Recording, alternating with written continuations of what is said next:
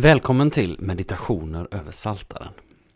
Tanken med de här inspelningarna, eller den här podcasten om man så vill, är att utifrån en vers ifrån Saltaren i Gamla Testamentet säga något litet som förhoppningsvis får bli till inspiration eller uppbyggelse eller fördjupning för dig som lyssnar. Alltså en vers ifrån Saltaren, några ord utifrån den versen och så en smula stilla musik. Varmt välkommen att lyssna.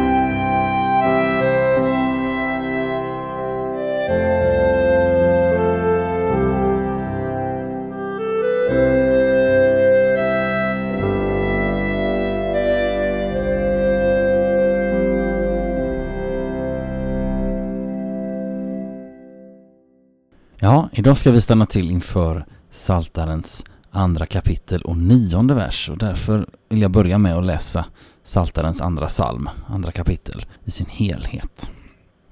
Varför är folken i uppror? Varför detta gagnerlösa mummel? Jordens kungar reser sig och furstarna gaddar sig samman mot Herren och hans smorde. Vi sliter sönder deras band och kastar av oss deras bojor. Han som tronar i himlen ler, Herren ser på dem med löje. Nu talar han till dem i vrede, han skrämmer dem i sin harm. Jag har invigt min konung på Sion, mitt heliga berg. Jag vill berätta vad Herren bestämt. Han sade till mig, du är min son, jag har fött dig idag. Be mig, så ger jag dig folken som arv och hela jorden som egendom. Du ska krossa dem med en spira av järn, slå sönder dem som lerkärl. Konungar, besinna er. Ta varning, ni jordens härskare. Tjäna Herren i fruktan, hylla honom i bävan. Annars vredgas han och ni går under. Ty hans vrede kan lätt blossa upp. Lyckliga de som flyr till honom. Och vi ska då idag stanna till inför Psaltaren 2, vers 9, som lyder så här. Du ska krossa dem med en spira av järn, slå sönder dem som lerkärl. Precis som i den förra och i den förrförra versen så utgörs dagens vers av ord som Gud säger till kung David. Men där Saltaren 2, vers 7 och 2, vers 8 talar om Guds och Davids förtroendefulla och nära relation är dagens vers av ett lite annat slag. För här säger Gud till David att han ska krossa dem med en spira av järn, slå sönder dem som lerkärl. Orden i dagens vers har att göra med att David i denna psalm kröns till kung. Gud har utvalt David och låtit profeten Samuel smörja honom till kung. Det kan vi läsa om i Första Samuelsboken kapitel 16, verserna 1 till 13. Och när David nu blivit kung kommer han att möta kamp och strid och motstånd. Och det är in i det sammanhanget som Gud säger orden i dagens vers. Gud säger inte detta för att våld och strid har ett värde i sig för honom, utan för att han en dag ska göra upp med allt mörker och uppror i världen och tillvaron, saker som vi fått en del exempel på tidigare i denna psalm. Gud utvalde David som sitt redskap i den kampen för att kämpa en strid som ondskan vill och har startat men som Gud till slut kommer att segra i. Men de ord som Gud säger till kung David i dagens vers hänvisar på samma gång till Jesus. För Jesus själv uttalar liknande ord i ett av de sju sändebreven i Uppenbarelseboken. Där han genom aposteln Johannes talar till olika församlingar. Församlingen i Tyatira uppmanas till exempel av Jesus så här. Men håll fast vid det ni har tills jag kommer.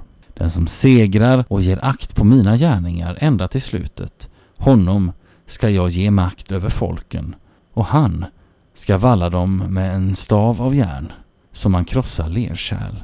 Samma makt som jag har fått av min fader.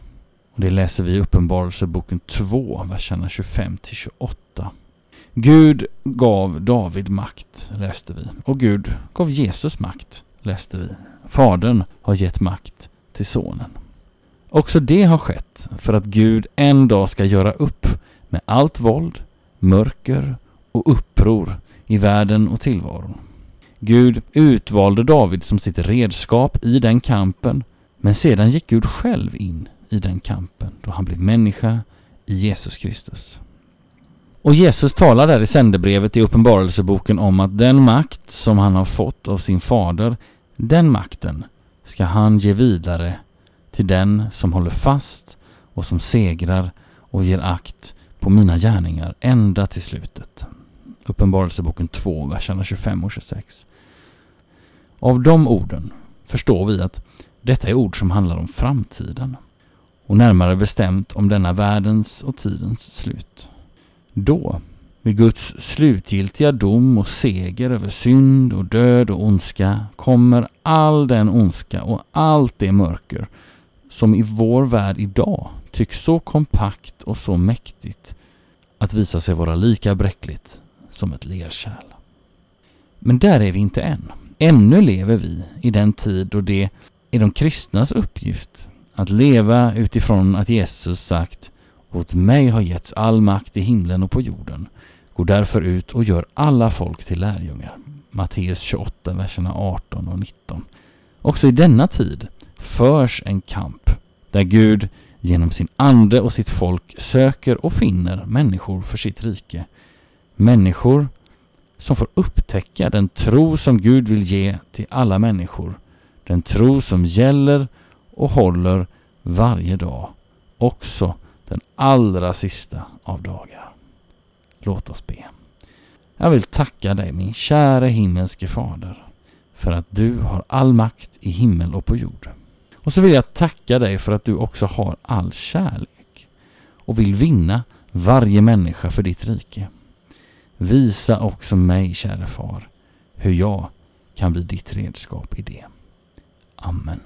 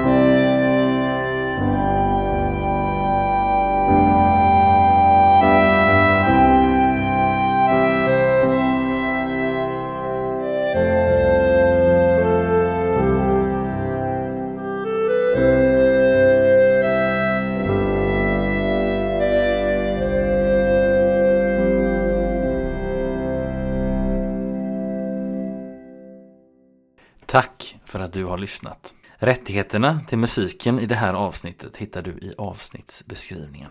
Tills vi hörs igen önskar jag dig allt gott och Guds rika välsignelse. Hej då!